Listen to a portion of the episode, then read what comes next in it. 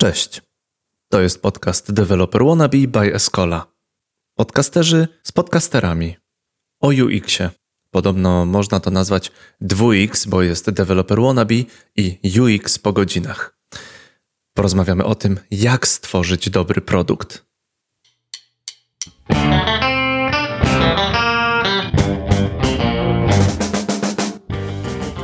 Moimi gośćmi są Szymon Trzepla i Krzysztof Miotk, spece od UX-u, podcasterzy, UX po godzinach, no i bardzo mądrzy faceci. No po to przecież założyłem ten podcast. Zapraszam tutaj mądre głowy, nagrywam i wypuszczam dalej, żeby każdy mógł się zainspirować do pracy, nauki, kombinowania. Wyszła nam dosyć długa rozmowa, dlatego dzielę ją na połowę. W tym odcinku panowie opowiedzą o podstawach. Nasz framework wywiadu to jest zagadnienie, co to jest, do czego się używa i jakie problemy rozwiązuje. Staraliśmy się wytłumaczyć łopatologicznie, bardzo, bardzo podstawowo. Czyli zaczynamy. Czym jest UX? Co to w ogóle jest i dlaczego utarło się, że to jest cyfrowe? Do czego używa się UX-u i jak wygląda praca UX-a? Perspektywa badacza i projektanta. Posłuchaj podcastu i daj nam znać, czy dobrze zaprojektowaliśmy właśnie ten produkt. Krzysztof Miotk, Szymon Trzepla, UX po godzinach. Zapraszamy.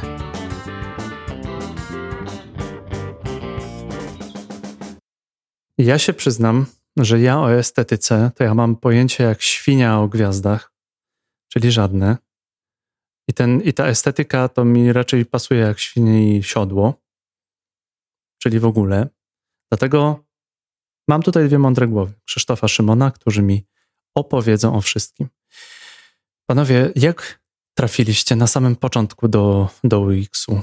W ogóle o co? Jak to się stało, Krzysztofie? Zacząłem generalnie od bycia strategiem marki szkoleniowej z UX-a w firmie Movate. No i generalnie robiłem szkolenia, organizowałem je, e, zapraszałem różnych, właśnie te mądre głowy, jak ty to mówisz, bo ja nią nie byłem wtedy e, w żadnym stopniu I, i tak, i scalałem te, e, te mądre głowy, żeby wyszła z tego jakaś fajna robota. E, w pewnym momencie w pewnym etapie firmy szef powiedział, że mam potencjał, widzi potencjał na bycie badaczem UX e, i czy chcę spróbować. Ja powiedziałem, że, że spoko, że, że lubię próbować nowych rzeczy, więc spróbujmy. E, no i rzeczywiście początkowo mnie mentorował, później zrzucił te badawcze obowiązki na mnie e, dość szybko, co bardzo dobrze wspominam. Bo pozwoliło mi to rzeczywiście bardzo się rozwinąć. No i tak, no i przejąłem projekty i robiłem te kwestie badawcze w naszej firmie, odciążając właśnie szefa, który mógł się e, zająć e, właśnie no, zarządzaniem firmą, więc takie były moje początki, a później już z góry. No Szymonie, jaka jest twoja historia? Opowiedz tak, żeby nas urzekła. A, postaram się, ale widzisz, zanim, zanim do tego przejdę, to jeszcze muszę tobie na jedną rzecz zwrócić uwagę, bo już na samym początku widzisz, władowałeś na bardzo dużą minę, Dawaj. o której się później jeszcze porozmawiamy. UX wcale nie ma tak wiele wspólnego z estetyką. E, to tutaj wchodzimy na no właśnie bardzo taki bolesny dla mnie grunt, bo ja też estetą w żadnym wypadku e, nie jestem. E, w, kwestiach graficznych, kompozycyjnych, no nie jest, nie jest tutaj u mnie e, wciąż, wciąż perfekcyjnie. Przejmę pałeczkę ja. E, dlaczego mi się UX kojarzy z estetyką? Ponieważ stereotypowo człowiek od UX-a to jest taki lekko hipsterowaty typ, który się bardzo fascynuje kolorami, który po pierwsze w ogóle facet odróżnia kolory, jejku, i on widzi tam jeszcze odcienie i, i nie wiem jak to się nazywa, no to, to takie, że jedno przechodzi w drugie, takie te, takie te, te, te, te kolory. Gradienty. Gradienty i, i ten, ten hash i tam FFF4 i, i sobie gadają właśnie o, o czymś takim. I to jest stereotyp. Drodzy panowie, ja myślę stereotypowo o UX-ach, a tutaj wychodzi, że nie. No to pierwsze pytanie, co to jest ten UX? UX. To może ja zacznę. I zacznę, zacznę dość właśnie stereotypowo, czyli że niekoniecznie się pomyliłeś e, strasznie, wprowadzę troszeczkę emocji, pozwolisz. E, to znaczy, są osoby, które e, rzeczywiście no, są od kolorowania, są tak zwanymi makieciarzami.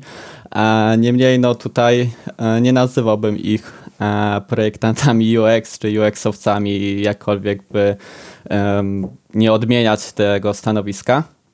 Um, czyli są osoby, które rzeczywiście rekrutując też e, da się zauważyć te osoby, które piszą, że okej, okay, że e, jak mi powiecie co mam zrobić, najlepiej narysujecie to nie wiem w pęcie, na kartce, to ja wam to przeniosę i pokoloruję w odpowiednim programie.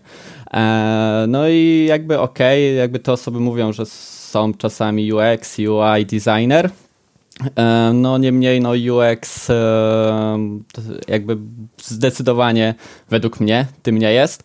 E, UX, za UX stoją całe procesy i kierowanie tymi procesami, rozmyślanie jak coś ulepszyć.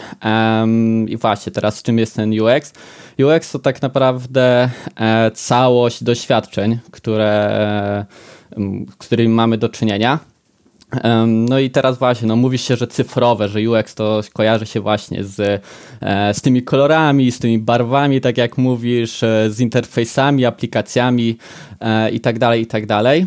No i no też nie bez, nie bez powodu, no bo UX, IT często idzie w parze, dlatego że w IT jest po prostu hajs i tam jest przestrzeń na to, żeby wydać pieniądze na na UX-a, zwłaszcza jeżeli to jest w ogóle e, finanse w IT, no to to już to są firmy, które mają potężne budżety i często nie zatrudniają UX-a, ale cały zespół e, UX-ów czy zespół produktowy, różnie o tym mówimy.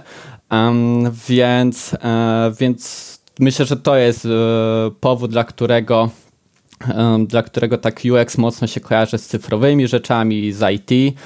E, niemniej, no, wydaje mi się, że każdy z nas e, miał kiedyś takie doświadczenie, że szedł do sklepu takiego osiedlowego, zwykłego. E, no i pani sprzedawczyni tam nas zapytała o coś, zaopiekowała się tak nami.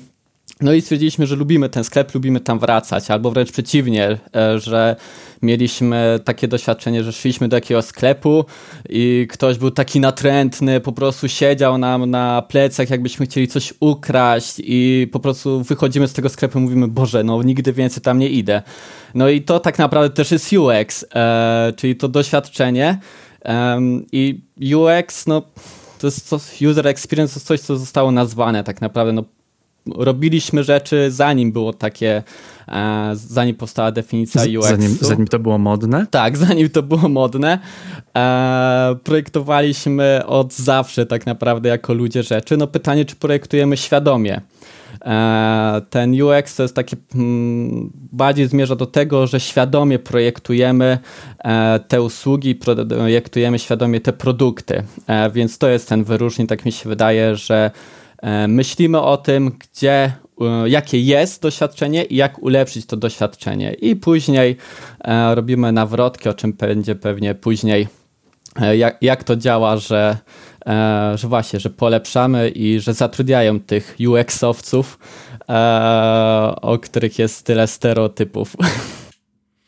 Ja jeszcze bym tutaj dołożył taki, taki rys historyczny, E, z czego, z czego wynika ten, e, ta obecność UX e, w, w tym świecie cyfrowym, o którym zresztą bardzo fajnie pisze Celia Hodent w, w książce The, The Gamer's Brain. Bardzo, bardzo fajna, fajna książka o, o neurobiologii w, w powiązaniu z UX w świecie gier komputerowych, ale to już mniejsza, mniejsza o to. Tam bardzo fajnie zarysowało taki, taki rys tego, tego UX-u, zaznaczając, że mm, zasadniczo takim protoplastą e, user experience e, była taka, taka dziedzina, która teraz rzadziej się już o niej słyszy, rzadko się słyszy ten skrót e, HCI, HCI, czyli Human Computer Interaction. To był taki właśnie protoplasta user experience kiedy w latach 80. komputery zaczęły e, wchodzić pod, pod strzechy, może nie w Polsce, ale w Stanach e, przede wszystkim, w Japonii, e, od razu twórcy tych, tych komputerów oprogramowania czuli, że tworzą jako ludzie coś dla ludzi. Te komputery muszą być dla ludzi, więc bardzo szybko wzrosła właśnie taka, taka branża Human Computer Interaction, która zajmowała się badaniem i optymalizowaniem interfejsów pod potrzeby ludzi, czyli to, co teraz też w dużej mierze robimy e, w user experience. Mm, natomiast z czasem to ewoluowało i tutaj to, to hasło user experience e, przypisuje się Danowi Normanowi, czyli takiemu ojcowi w zasadzie e, tej naszej, naszej dyscypliny, który w latach 90. E, wykuł właśnie tą, tą nazwę, zauważając, że wpływ na to, jak wykorzystujemy oprogramowanie, e, jak korzystamy z komputerów, bo on właśnie też wcześniej zajmował się głównie Human-Computer Interaction, to całe doświadczenie związane z, z tym światem cyfrowym wykracza poza ten świat cyfrowy. Human Computer Interaction zwraca uwagę wyłącznie wcześniej na te części interfejsu. Przyciski, treść, treść czy, czy to jest jasne, klarowne.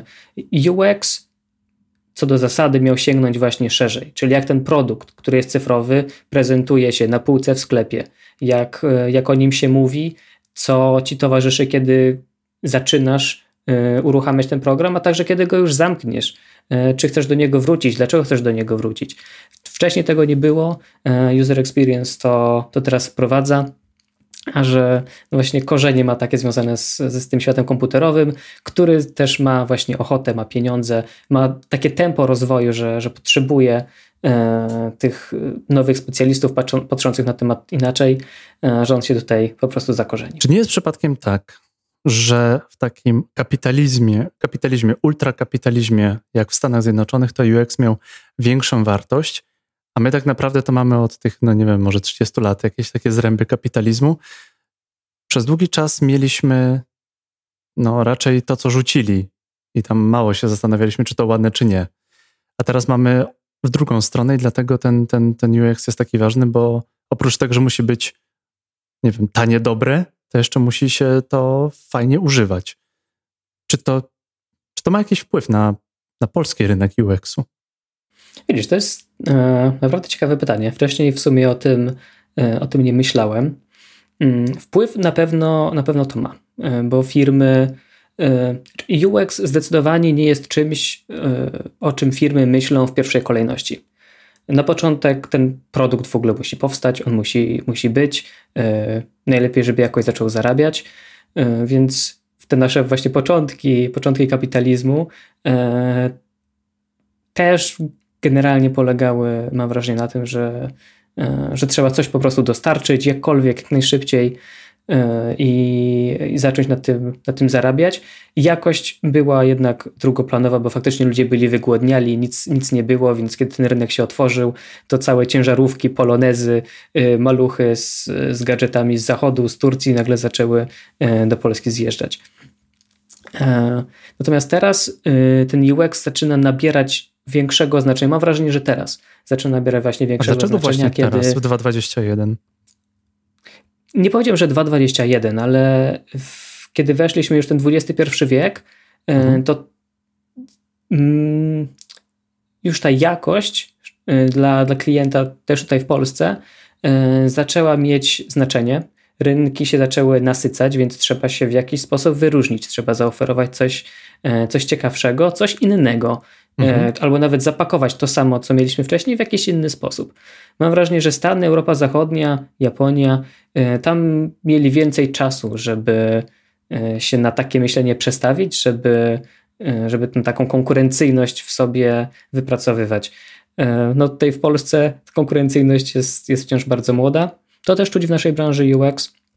Natomiast mam wrażenie, że bardzo szybko gonimy.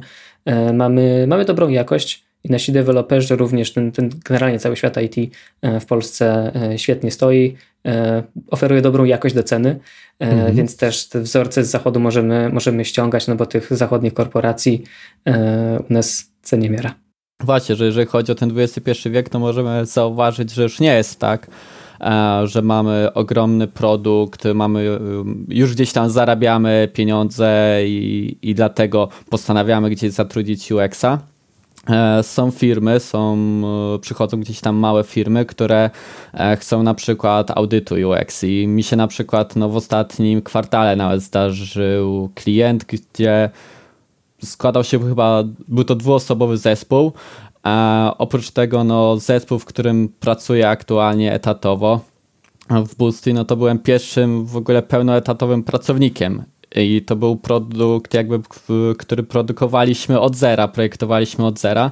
A więc myślę, że ta świadomość um, tego, że trzeba już od początku świadomie gdzieś tam tworzyć te doświadczenia użytkownika, trzeba um, projektować użyteczne produkty, serwisy, e, no to to jest kwestia, o której już myślą firmy również startujące. Jeżeli ktoś gdzieś e, doświadczył tego, że, że warto zainwestować w UX, e, no to zdarza się właśnie tak jak w moim przypadku, że UX-owiec jest e, gdzieś no, pierwszą osobą nawet zatrudnianą, czy jedną tam z pięciu powiedzmy, e, bo wiem, że bycie pierwszym na pokładzie jako UX jest rzadkością. No ale widać, że młode firmy, które dopiero powstają, również już dostrzegają tę wartość trudniej jest, o, tak powiem, trudniej jest naprawiać błędy, e, niż po prostu ich unikać od początku, więc, e, więc z tego to wynika i, i bardzo dobrze, bardzo fajnie to świadczy o naszej jakiejś takiej dojrzałości już jako, jako branży. Ja mam teraz do Was pytanie. Gdy tworzę podcast, przygotowuję podcast, to, to ja nie biorę kogo, kto się nawinie, kogo mi algorytm pokaże. Jeżeli szukam UX-owców, to robię research Potem zagaduję do tych ludzi i zapraszam do podcastu, a potem przed podcastem, przed samym nagraniem jeszcze omawiam tematy. Proponuję przygotowanie tematów, jakiegoś takiego szkieletu rozmowy, żeby nam się wygodnie rozmawiało. Dlaczego? Dlatego, że interesuje mnie, żeby innym osobom dostarczyć wartość, żeby słuchaczom, widzom dostarczyć wartość. Pytanie czy UX, UX można zastosować do tworzenia treści. Świetnie trafiłeś, bym powiedział. No, pomijając to, że wam, że wam posłodziłem, tak? Tak, ja już widziałem te nasze uśmiechy. Kto pierwszy po prostu o tym opowie. e, tak, to z racji tego, że po prostu uwielbiamy ten temat, e, no my jesteśmy pasjonatami absolutnymi. E, więc gdzieś e, w sumie to mamy gdzieś teraz w tym tygodniu urodziny, jeżeli chodzi o publikację naszego podcastu, e, pierwszą. Niemniej projektowanie, świadome projektowanie tego podcastu zaczęło się dwa miesiące szybciej, gdzieś na końcu listopada, początek grudnia. więc my właśnie podchodząc do samego podcastu już zaczęliśmy go projektować. Sama myśl, jakby wróć, to nawet nie była myśl o podcaście, to było na zasadzie chcemy prowadzić wywiady z ekspertami, zróbmy coś fajnego. I dopiero w, w, ramach warsztatów, które zrobiliśmy sami ze sobą, tak naprawdę, na bazie naszych jakichś tam doświadczeń e, komercyjnych, e, wyszło to, że ok, robimy podcast. To tak naprawdę ten pomysł, że to będzie podcast, nastał po tym, kiedy stwierdziliśmy, że jest jakaś potrzeba na rynku, że warto to robić. Właśnie przed tymi warsztatami e, robiliśmy jakiś research, robiliśmy zwykłą e, ankietę, zwykły kwestionariusz pytający, czego brakuje na rynku, w jakiej formy wiedzy Wam brakuje i wysyłaliśmy tam poznajomych. Zrobiliśmy. Tak, to było. Tak, ale to było później i to było w sumie dość yy, śmieszna sytuacja, bo to mówisz o tym w Poznaniu. gdzieś mieliśmy pomysł na te, zrobiliśmy te warsztaty, stwierdziliśmy, że będzie podcast, stwierdziliśmy, ok, ale no co trzeba zrobić, żeby to był podcast wyjątkowy, a nie jakiś jeden z setek tysięcy pewnie. E, no i gdzieś e, się śmieję, że mówiono mi zawsze, że trzeba wyjść e, do, do klienta więc ja wyszedłem do potencjalnych jeszcze słuchaczy, jeszcze nie mieliśmy nikogo, e, kto, kto nas słuchał, jeszcze nie mieliśmy żadnego odcinka. I szedłem na takie wydarzenie UX Pivo, e, UX e, w, w Poznaniu, No i tam sobie pijemy, rozmawia znaczy rozmawiamy, e, edukujemy się oczywiście. e, no i w, w, pewnym momencie, jak taki właśnie stereotypowy UX-owiec, wyjmuje sobie z marynarki postity, no nie? Te takie sticky notes, e, te, te, karteczki kolorowe, takie no typowe, kojarzone z nami. I rozdaje ludziom i mówię, słuchajcie, bo mam taki pomysł, właściwie to nie wiem do końca, czy on wypali, ale dajcie e, mi chwilę swojego czasu, odpowiedzcie na kilka pytań, kto chce, niech pisze na postitach, ja to zbiorę i później z Szymonem e, to przeanalizujemy i mam nadzieję, że wyjdzie coś fajnego. Czyli zbieraliśmy znowu dane. E, dosłownie właśnie wyszedłem do użytkowników, zebrałem te dane, e, przenieśliśmy to na, e, na cyfrową wersję, tak żeby mieć dostęp. Ja z Poznania, Szymon z Warszawy. E, analizowaliśmy i tak e, powoli projektowaliśmy nasz podcast, projektowaliśmy briefy, projektowaliśmy e, posty, projektowaliśmy całą ścieżkę dla słuchaczy. E, no i też to jakby mierzymy e, non-stop tak naprawdę, patrzymy na te statystyki e, w określonych gdzieś tam odstępach czasowych. No i ulepszamy, czyli na przykład nasz pierwszy sezon skończył się znowu badaniami e, ilościowymi i jakościowymi. Znowu zrobiliśmy warsztaty i to ze słuchaczami, już nie we dwóch, że ej, może byśmy coś zrobili, tylko zaprosiliśmy słuchaczy, zaprosiliśmy też, e, zrobiliśmy też warsztaty, z, e, gdzie projektowaliśmy doświadczenie dla prelegentów naszych Więc to wszystko no, staramy się robić świadomie. No i e, właśnie dlatego się uśmiechaliśmy, bo uwielbiamy o tym mówić. Tam dla Rocket Jobs też pisaliśmy o tym artykuł. E, no bo to jest właśnie taka nasza e, przyjemna odskocznia od tego, co tak naprawdę robimy na co dzień. Mimo, że robimy praktycznie to samo w podcaście, to jednak wiadomo, no gdzieś to jest taki nasz produkt, w który wkładamy serce i myślę, że dlatego też, e, wracając do tego, co powiedziałeś, no są gdzieś te lajki, są te komentarze u nas, e, bo mamy taką część jakby słuchaczy, e, z którymi żyjemy rzeczywiście i podejmujemy razem z nimi decyzje.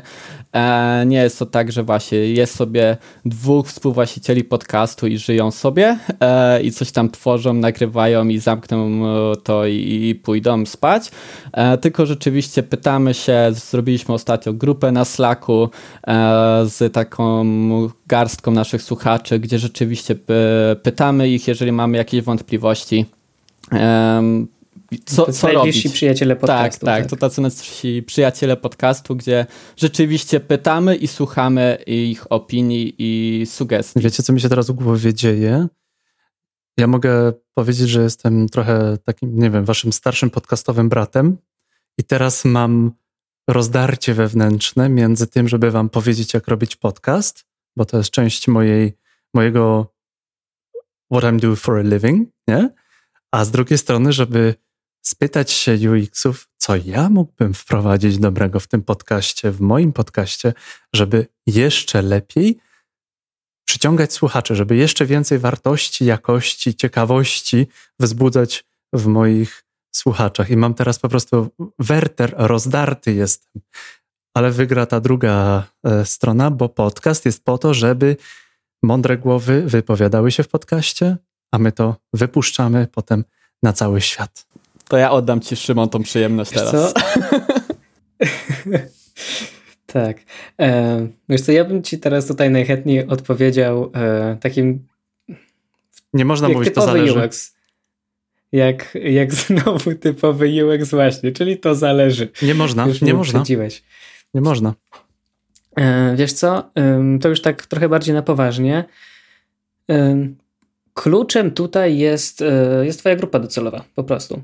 E, I to jest, to jest klucz do każdego produktu. Ja mam tutaj przede wszystkim największe, największe doświadczenie w bankowości i nawet tam, gdzie wydawałoby ci się, że po pierwsze bank to taki produkt, który powinien trafić do wszystkich. E, bank to taki produkt, który powinien być dla wszystkich użyteczny, dla wszystkich prosty i dla każdego mieć ofertę. E, a tu się okazuje, że nie do końca wcale tak jest i e, każdy bank ma bardzo solidnie zresearchowaną swoją grupę docelową, swoją strukturę klientów, kogo on przyciąga, kto dostarcza jakie, jakie tam pieniądze do banku, na, na kim można ile zarobić i targetuje właśnie swoje, swoje działania, swoją całą E, komunikację marketingową, ale również jako, jako UX musimy wiedzieć, dla kogo pracujemy, czy mamy przewagę klientów młodych, e, klientów e, bardzo z dużymi ambicjami, dynamicznych, potrzebujących aplikacji mobilnej, czy mamy może przewagę klientów, którzy są bardziej stateczni, którzy wolą powoli sobie oszczędzać i generalnie myślą raczej o swojej emeryturze niż o tym, żeby kupować sportowy samochód.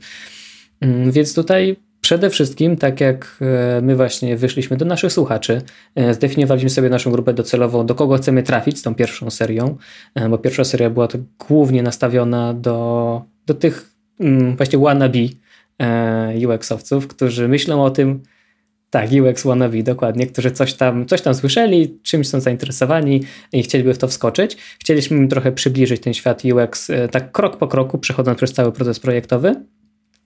E, I pod tym kątem e, tworzyliśmy treści, pod tym kątem e, się, się pytaliśmy ich o zdanie i staraliśmy się ten podcast ulepszyć.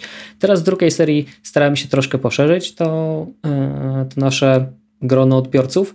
No i też pod tym kątem odbywały się te warsztaty, o których mówił Krzysiek, a, a społeczność jest, e, jest naprawdę niesamowita i potrafi stworzyć niesamowite rzeczy, więc naprawdę warto im zaufać. Ja tutaj e, mogę sprzedać taką kolejną anegdotkę, że byłem człowiekiem trochę małej wiary, muszę przyznać, bo, bo Krzysiek był tak mocno entuzjastycznie nastawiony do, do tego warsztatu i na, naprawdę wierzył, że on się uda, że, że ludzie się zgłoszą, a ja tak na każdym etapie się kurczę, po co oni by się mieli zgłaszać? Co my im tak naprawdę możemy zaoferować? Okazało się, że zgłosiło się ile? 70 osób chyba, z których musieliśmy wybierać, no bo nie mogliśmy zrobić e, takiego wielkiego warsztatu, więc musieliśmy wybrać tych najbardziej zaangażowanych. Później e, tam bodaj 20 osób e, wybraliśmy e, i w dzień warsztatu ja tak sobie tak loguję się do, do tej naszej, na, na Zooma, wtedy korzystaliśmy z Zooma i tak sobie myślę, że nie ma mowy, żeby 20 osób przyszło. Przecież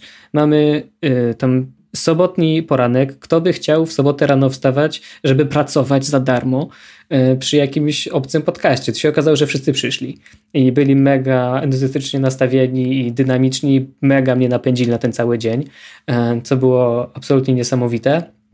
No i skończył się ten dzień e, z takim wielkim Excelem 120 pomysłów, E, na ulepszenie, poprawienie, wprowadzenie czegoś nowego do tego podcastu.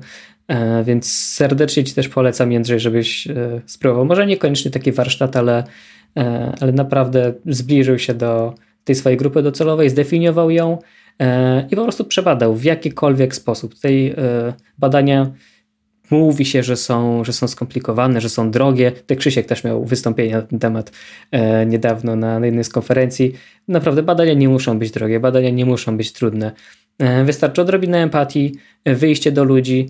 Oczywiście na początku się będzie popełniać błędy, pewnie się nie wyciągnie tyle informacji, e, ile, ile, się, ile by się mogło, albo może coś się nie najlepiej zinterpretuje, ale to z czasem można bardzo szybko wygładzić te, te zagniecenia i dowiedzieć się bardzo, bardzo, bardzo dużo wartościowych rzeczy. No tak, tworzenie podcastu widzę, że jest to ciągłe dostosowywanie i to było ciągłe dostosowywanie, czy to treści, czy to nawet formy, tak żeby w jakiś sposób cały czas było to ciekawe dla odbiorcy. To jest, musi być i ciekawe, i musi być i rozrywka, i wartość, i jakość, i dobra, e, dobry dźwięk, dobra, dobre treści. I tutaj z mojej perspektywy, z, z perspektywy mojego doświadczenia, to y, treści i potem dobra forma, wtedy to się, wtedy to się ładnie spina, ale to jest, to jest dla podcastu, dla samego, dla samego audio. Panowie, zakładamy, że jest dobrze zrobiony UX. Zakładamy, że ten całokształt jest ok. Pytanie, do czego się używa UX-u? W jaki sposób? W ogóle komu to potrzebne? Czy to się wstrzykuje? Komu jest potrzebny UX? Trochę mnie kusi, żeby powiedzieć każdemu. E, ale tutaj może. A dlaczego? Czy chciałbym trochę podyskutować może na ten temat z Tobą, Krzysiek? E, bo to, to nie jest, mam wrażenie, proste pytanie. Komu, komu to jest potrzebne?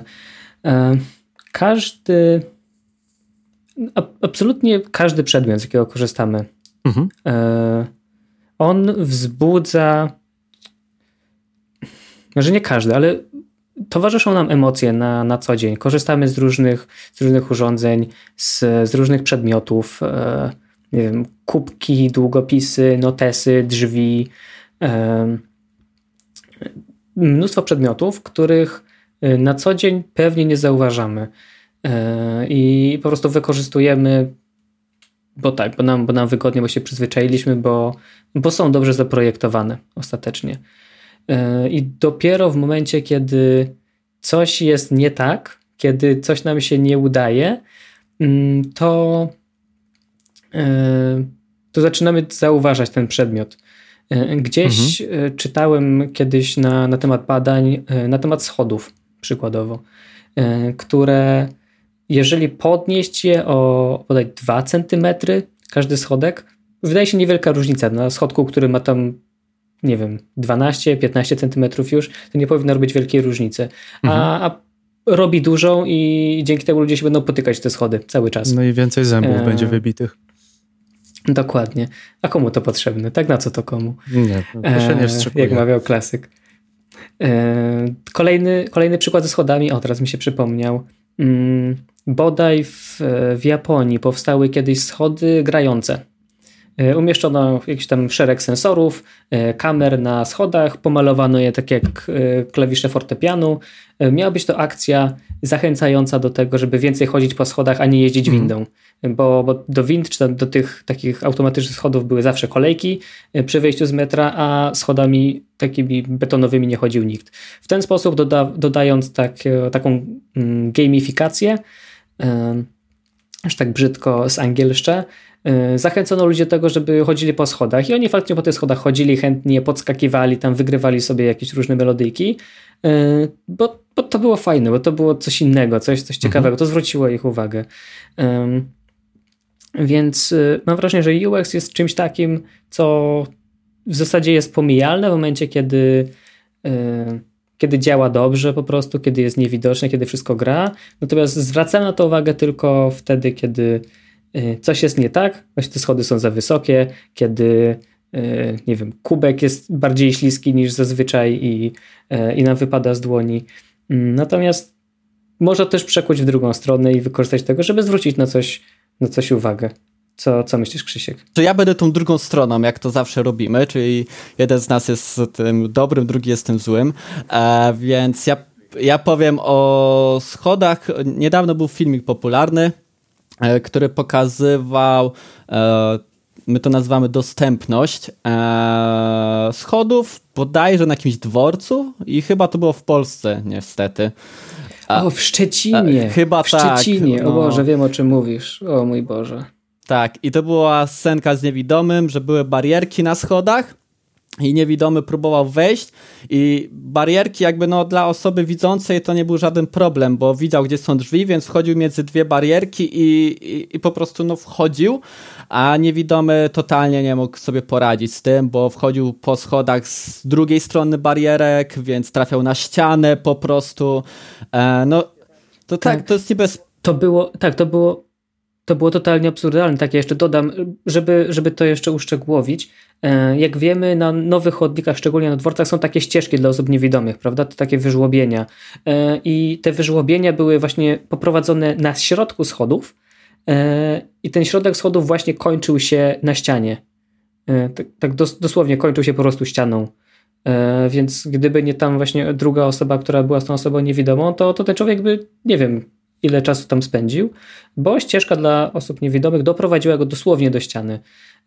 No, oddaję ci, ci głos Krzysiek, ale byłem bardzo zbulwersowany, tak, zobaczyłem, no, naprawdę. Ja, ja też. Straszny bezmyślny. I to właśnie pokazuje, że UX i to projektowanie świadome nie jest tylko cyfrowe.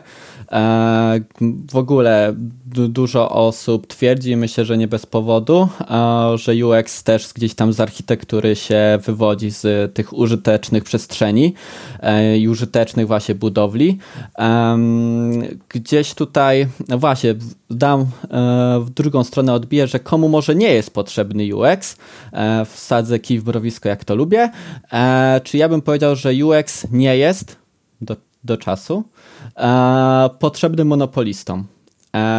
I jeżeli nie wierzycie w to, to przypomnijcie sobie, e, drodzy słuchacze, jak wspaniałe doświadczenia macie na przykład z PKP. E, ja na przykład mam tak, że że nienawidzę PKP, ale korzystam z tego, dlatego że nie ma innych jakby przewozów, nie ma innych pociągów na tych torach. Mogę wybrać albo samochód, E, czego nie lubię, bo ja na przykład lubię posiedzieć w pociągu, poczytać sobie. E, a no właśnie, no a, a te doświadczenia w PKP są no, co najmniej przeciętne. Strona PKP to po prostu jest świetny przykład, jak stron nie robić. E, no, a oni mają no, po prostu to w poważaniu i nie bez powodu, bo są monopolistami. E, ja bardzo się cieszę, kiedy tacy monopoliści upadają, e, bo w końcu wchodzi jakiś konkurent, który dba o swoich klientów, dba o swoich użytkowników. Bo to pokazuje właśnie, że to jest do czasu. Czyli póki jesteś monopolistą, to się ciesz, bo ludzie nie mają wyboru. Ale jak się pojawi jakiś konkurent, e, no to no, zwijaj interes lub zainwestuj w doświadczenie użytkownika. Czy to nie jest przypadkiem taka e, romantyczna wasza nuta w waszej duszy, że wy lubicie być cichym bohaterem, ewentualnie takim kardynałem Richelieu? Ja nawiązuję do tego, co co Szymon mówił, że UX jest e, niepotrzebny, póki się nie okazuje, że coś coś nie działa. Czy UX-owiec to nie jest taki kardynał Richelieu, który dba o to, żebyśmy nie musieli myśleć? To, to... Pod tym względem, jeżeli tak to sformułowałeś, to tak, tak bym powiedział, faktycznie. Także dobry interfejs e, jest, e, jest taki, którego nie zauważasz. Jeżeli nic ci nie przeszkadza, jeżeli robisz to, co masz zrobić w nim, e, docierasz do tej informacji, do której chcesz dotrzeć szybko, sprawnie, to tak, to jest to jest zdecydowanie to. Ja też bym taką e, takie nawiązanie może sportowe, porównanie sportowe wykorzystał. E, tej kibice piłkarscy pewnie wiedzą, że no, dobry występ obrońcy czy tam defensywnego pomocnika, to jest takie, w którym go nie zauważamy. Tak? Jak nie ma spektakularnych interwencji, e, jak, jak nie ma potrzeby gasić pożarów i jakoś atakować agresywnie ślizgiem, e, to, to taki mecz jest, jest dobry. Znaczy, że, że ten obrońca wszystko wcześniej przewidywał, e, ustawiał się odpowiednio i nie musiał później uprawiać gimnastyki artystycznej, żeby tą piłkę sięgnąć. Podobnie jest, myślę, tutaj, tutaj z UX-em. Tak. Natomiast też troszkę bym zmienił tą, tą perspektywę i zaznaczył, że UX to nie tylko UXi. To jest jednak bardzo, bardzo mm, sport zespołowy. E, tutaj jest potrzebne duże zaangażowanie właśnie i, i specjalistów UX różnego typu. E, tak, takich e, bardziej wyspecjalizowanych w grafice, bardziej wyspecjalizowanych w architekturze informacji, czy w UX writingu, czyli w treści, grafików, e, później deweloperów, testerów, e, analityków, osoby z biznesu, badacze. To jest całe, całe grono, grono ludzi. Marketingowcy również. UX ma całkiem dużo wspólnego z marketingiem i tam też się pojawiają często jakieś przecięcia, wspólne pomysły albo tarcia. E, więc to jest bardzo, bardzo sport zespołowy e, i mam wrażenie, że jako UX mamy pewną taką, mm, taką nie wiem, umiejętność, czy, czy trochę taki wymóg wręcz, żeby te wszystkie grupy spajać. Kiedy wchodzimy do organizacji, które wcześniej ich nie miały, to z, łatwo zauważyć, że mamy jakieś tam te poszczególne siloski, tak, poszczególne zespoły, które e, niby pracują ze sobą w jednej firmie, ale tak naprawdę nigdy ze sobą nie rozmawiają. A jako UXi którzy trochę właśnie tak wchodzą w ten środek i tak wyciągają po trochu e, od, od każdej z tych grup, starając się każdemu trochę pomóc, e, spajamy mocno tą, tą całą konstrukcję, co jest bardzo trudne, co często nie wychodzi, przez co pojawiają się różne konflikty i jakieś takie przeświadczenia, że, że UX to, to się tutaj wpycha łokciami, że wcześniej robiliśmy dobrze, a teraz oni nam każą robić E, jakoś lepiej, po swojemu, po co, tak, jak, jak przecież dobrze było wcześniej, dokładnie jakoś na odwrót. To, to niesie ze sobą pewne wyzwania, ale tutaj bym trochę ten fokus z nas UX-ów ściągnął i, i spojrzał trochę szerzej. Nawiążmy do pytania Macieja, który mówi o, o poważne instytucje, które mają tak złe aplikacje, że łatwiej jest skorzystać z konkurencji niż, niż ogólnie niż się przyzwyczaić. Czy, czy to chodzi o słabych UX-owców, czy to chodzi o ten monopol, o którym już wspominaliśmy? Myślę, że odpowiedź zależy od firmy tak naprawdę. E, w sensie nie chcę się wypowiadać, kto pracuje w jakiej firmie i tak dalej. Możliwe, że niektórzy nie mają UX-owców, niektórzy mogą mieć tych UX-owców, o których mówiłem troszeczkę na początku, czyli nazwali się UX-owcami, ale jakby nie ogarniają procesu projektowego, który jest gdzieś u podstaw budowania produktów. E, więc to, to jest jakby jedna rzecz w ogóle. Tutaj będę sobie patrzył na to pytanie, żeby przypadkiem nie pominąć jakiegoś wątku. A jeżeli chodzi o uciekanie do konkurencji, no to tak, czasami jest to kwestia monopolisty, e, czyli ktoś za późno się obudził i to, że za późno się obudził, też wiąże się czasami z kosztami wdrożenia zmian. Czyli są jakieś by aplikacje, strony, może strony nie, platformy bardziej, platformy, e, aplikacje, które po prostu są już tak rozbudowane, że przeprojektowanie jest tak ogromnym kosztem, że nie każdy się na to decyduje. Um, to jest jeden wątek. Um, drugim, jaki tutaj jest, um, no właśnie, to, że słabi UX-owcy, to bym nie nazywał tego. O, dzięki za wyświetlenie, będzie mi łatwiej. tak, oprócz tego, to czy jest łatwo skorzystać z konkurencji. E, czasami jest tak, że nie jesteśmy grupą docelową i o tym trzeba pamiętać. Um, czyli ja na przykład nienawidzę Amazona e, jako użytkownik. Jakby uwielbiam pod kątem tego, co robią i uważam, że fajnie, że i jako sprzedawcy to po prostu e, super i e, jako w ogóle produkt i firma, ale jako użytkownik bardzo nie lubię. Mam nadzieję, że jak wchodzę teraz do Polski, to się zmieni, bo ich strona, jak ja wchodzę na stronę na przykład niemieckiego Amazona, to to się bardzo denerwuje jako UX, e, dlatego że używają tak zwanych dark patternów w, praktycznie na każdym kroku, czyli sprawia, czy to takie wymuszanie użytkow od użytkownika a, zrobienia czegoś, na co niekoniecznie normalnie świadomie by się zgodził. E, I wiele firm robi te dark patterny, e, również duże, e, bo no my jako UX-owcy też mamy wiedzę na temat tego, jak użytkownicy co używają interfejsów, produktów, usług. No i możemy, jeżeli jakby tutaj jest kwestia tak naprawdę etyki, e, na ile sobie pozwolimy, e, żeby sprawić, że zrobią coś, czego tak naprawdę by nie chcieli. E, no ja staram się na szczęście nie pracować w takich firmach, które tę etykę gdzieś mają w poważaniu. E, niemniej e, Niemniej no są takie, takie odczucia mogą nam dawać, że na przykład przy filtrowaniu w Amazonie zauważyłem, że wyszukuję jedną rzecz, zaznaczam filtry, a pokazują się rzeczy, których nie chciałem, czyli maksymalnie dopychają i mnie to już denerwuje. Ja bym powiedział, że mają słabe UX, bo to, to, jakby filtry nie są skomplikowaną rzeczą, nie oszukujmy się, a mimo to e, nie działają tak jak e, powinny w tak ogromnej platformie. Dorzucę taki, taki kamyczek też do tego, co, o co Maciej pytał.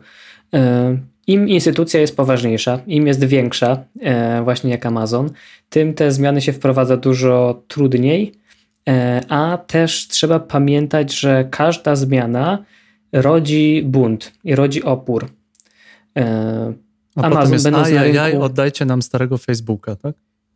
Tak, dokładnie. Oddajcie nam starego Facebooka, tak, oddajcie nam Instagrama. Jeżeli e, Amazon zrobiłby to samo, jakiś, e, jakąś mm, gwałtowny redesign strony, to ich sprzedaż poleciałaby na łeb na szyję, ludzie byliby zdenerwowani, porzuciliby tą platformę, zaczęliby szukać konkurencji, a teraz Owszem, nie jest ona najbardziej optymalna, szczególnie dla nowego użytkownika. Ja też, kiedy zaczynałem korzystać z Amazona, totalnie się tam nie potrafiłem odnaleźć. Teraz jest już trochę, trochę lepiej. Rzadko z niego korzystam, ale, ale jest, jest trochę lepiej i ten koszt zmiany byłby, byłby bardzo duży. Natomiast to, co Amazon robi dobrze, to bardzo dobrze robią takie inkrementalne zmiany, których nie zauważamy na co dzień. To znaczy, e, nie robimy wielkiego redesignu całej platformy na raz, tylko prze, przeprojektowujemy tak, jedną zakładkę ustawień. Wyszło nam w badaniach, że tam coś mamy dużo, nie wiem, mamy dużo telefonów na kontakt center, jak zmienić coś tam, jak ustawić coś y, w ustawieniach, więc to przeprojektujemy jedną stronę albo kilka przycisków na tej stronie. Później zauważamy, że mamy gdzieś spadek y, w sprzedaży hmm, gdzieś w pewnym momencie serwisu, gdzie wcześniej było OK, sprawdzamy, co się tutaj wydarzyło, co się zmieniło, naprawiamy kawałeczek po kawałeczku. I jakby porównać Amazona sprzed 5, sprzed 10 lat, on się zmienił bardzo, tylko on się zmienia bardzo powoli, ewoluuje mm -hmm. po mhm. prostu. Czy to był Amazon, który napisał sobie jakiś tam skrypt i przez rok zmieniali o pół odcienia? To był Google. To był Google z hiperłączami, e, że testowali Aha. największą klikalność. Z Amazonem podobno e, jest e, związany tak zwany legendarny e, przycisk warty 300 milionów dolarów, gdzie, gdzie właśnie na badaniach wyszło, że zamiana tak naprawdę uzupełnienia dwóch przycisków i kliknięcia dalej na po prostu przejście dalej zwiększyła bodajże o 45% konwersję, co w rocznym przeliczeniu dało 300 milionów dolarów E, zwiększenia obrotu.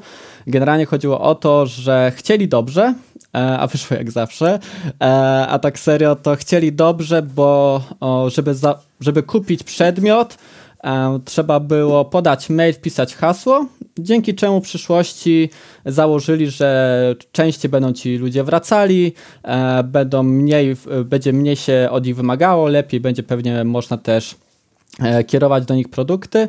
No w praktyce mieli ogromny współczynnik e, porzuceń, e, ludzie zapominali tych haseł, mówi się, że niektórzy mieli po 10 kont, zakładali od nowa, czyli tak naprawdę i dopiero na badaniach wyszło to, że, że wymaganie, wymuszanie tego, żeby zarejestrować się, żeby kupić jeden czasami przedmiot tak naprawdę, E, no nie jest najlepszym pomysłem, bo ktoś może iść do konkurencji. I no mówi się, że to e, był Amazon, ale ze względów na różne NDA-ki e, no nie potwierdzono tego oficjalnie. Ja mam tutaj do Was pytanie. Historia jeszcze samego tego nagrania jest taka, że zagadałem do Krzyśka na LinkedInie.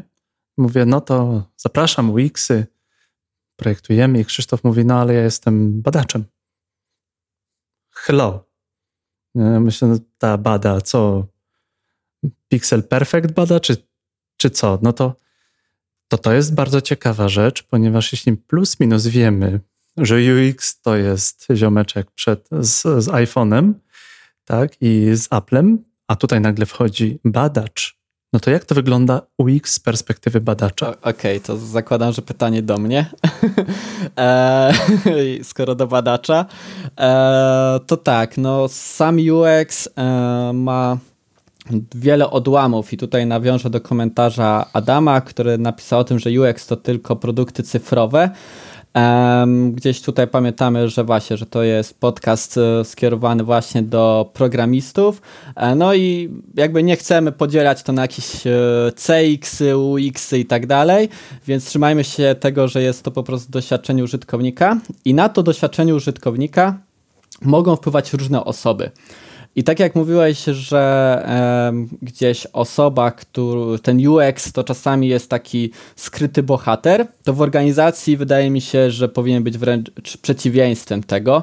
Musi być to osoba, która czasami wyważa drzwi nogą i mówi hola hola, chyba kogoś hmm. tutaj e, no, coś boli, no nie? Że, że, takie decyzje są podejmowane.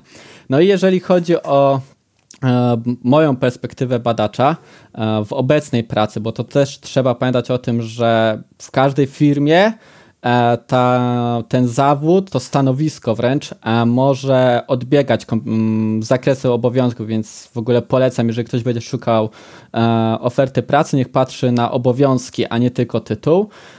Czyli w moim wypadku jest to na początku było znalezienie potrzeb, naszej grupy odbiorców. Później też e, zrobienie właśnie badań jakościowych, ilościowych, żeby to potwierdzić, zobaczyć skalę. Później e, zrobienie warsztatów, które moderowałem, gdzie wypracowaliśmy rozwiązania, jak odpowiedzieć na te potrzeby, zrobić e, propozycje wartości dla naszych użytkowników, potencjalnych, których jeszcze nawet nie mieliśmy wtedy. Następnie byłem blisko blisko projektantów, blisko właśnie całego zespołu, głównie projektantów, ale jakby bynajmniej nie zapominałem na przykład o programistach, do których jest skierowany ten e, podcast. Czyli razem e, tworzyliśmy nowe projekty na podstawie tych warsztatów. Ja to badałem, czyli sprawdzałem troszeczkę to, czy powiedziałem w przypadku w cudzysłowie Amazona i tego przycisku, E, czyli sprawdzałem, gdzie są błędy, gdzie użytkownicy błądzą, czego oczekują znowu, co trzeba poprawić, co trzeba e, zmienić. Było kilka nawrotek, to jest zawsze, jakby zawsze jest co badać. E, wdrożyliśmy to i teraz na przykład jest to śledzenie analityki, gdzieś staram się e, patrzeć na analitykę, żeby ona mi powiedziała znowu, gdzie są jakieś niedociągnięcia, wtedy znowu robimy nawrotki do testu użyteczności, na przykład, e, że trzeba wziąć większą poprawkę na, na wersję mobilną, no i znowu trzeba wymuszać jakieś zmiany w organizacji, E, aby poprawiać to doświadczenie użytkownika, e, które no, e, odbija się później wyższą sprzedażą, ewentualnie powracalnością w zależności od produktu.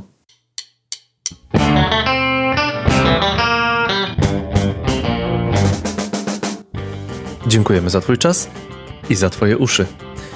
Jeśli w Twoim otoczeniu znajdują się osoby, którym ten podcast mógłby się jakoś przydać, może chcą zostać UX-ami, może interesują się UX-em, a może po prostu chcą pogadać z fajnymi ludźmi.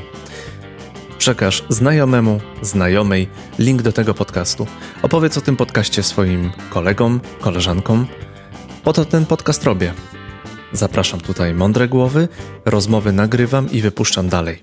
Być może ktoś z Twoich znajomych, przyjaciół zainspiruje się do pracy, nauki, kombinowania no i w ten sposób podcast spełni swoją misję. To był 57 odcinek podcastu Developer Wannabe.